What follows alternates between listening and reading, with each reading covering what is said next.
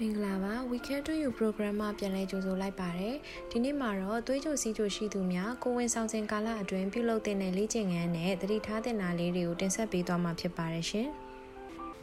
သွေးကြိုစီးကြိုရှိတဲ့ကိုဝင်ဆောင်မျိုးသမီးများကိုလက်လှူရှာမှုပြုလုပ်နိုင်လားဆိုတဲ့မိခွန်းရဲ့အဖြေကတော့ yes ပါပြုလုပ်နိုင်ပါတယ်ကိုလက်လေ့ကျင့်ခန်းပြုလုပ်ခြင်းဖြင့်သွေးရင်းတကြားရက်ကိုထိန်းညှိပြီးသားဖြစ်တယ်လို့ကိုခန္ဓာကျန်းမာတန်ဆွမ်းရေးအတွက်လည်းထောက်ကူပြုပါတယ်ကိုဝင်ဆောင်စဉ်နဲ့ကလေးမိဖွားအပြီးမှာတက်လာမယ်ကိုလေးချိန်တွေကိုလည်းထိန်းပေးပါတယ်ဒီအပြင်ကိုဝင်ဆောင်တတိယ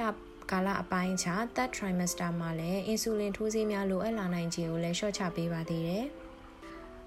ကိုဝင်ဆောင်များအတွက်အသင့်တော်ဆုံးကိုလက်လေးကျင့်ခန်းလေးတွေကတော့လမ်းလျှောက်ခြင်း၊စပိန်စီးခြင်းနဲ့မပြင်းထန်တဲ့ aerobic လှုပ်ရှားမှုလေးတွေဖြစ်ပါတယ်။ဒီနေ့ကို15မိနစ်ကနေမိနစ်30 45မိနစ်ထိပြုလုပ်နိုင်ပြီးတော့တပတ်ကို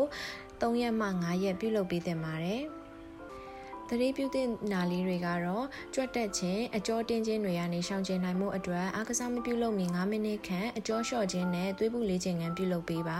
ပေါ်မှာလွတ်လပ်ပြီးတော့လေဝင်လေထွက်ကောင်းတဲ့အဝတ်အစားတွေကိုဝတ်ဆင်ပါလေးခြင်းငန်းမပြုလုပ်မီဂလူးကို့စ်ပမာဏတိုင်းတာရန်နဲ့အစာပြေစာစားထားခြင်းတို့လည်းပြုလုပ်ပေးသင့်ပါတယ်အလေးမှအားကစားမျိုးကိုရှောင်ကျဉ်ပါချွေးထွက်လွန်စေတဲ့နေပူပူဝင်တဲမှာလှုပ်ရှားခြင်းမျိုးကိုရှောင်ကျဉ်ပေးပါ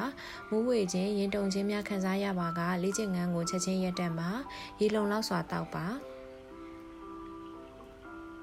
အခုပြောပြပေးသွားတာကတော့သွေးကြိုစီးကြိုရှိသူများကိုဝင်ဆောင်စဉ်ကာလအတွင်းပြုလုပ်တဲ့လေ့ကျင့်ခန်းနဲ့တတိထားတဲ့နာလေးတွေပဲဖြစ်ပါတယ်ရှင်။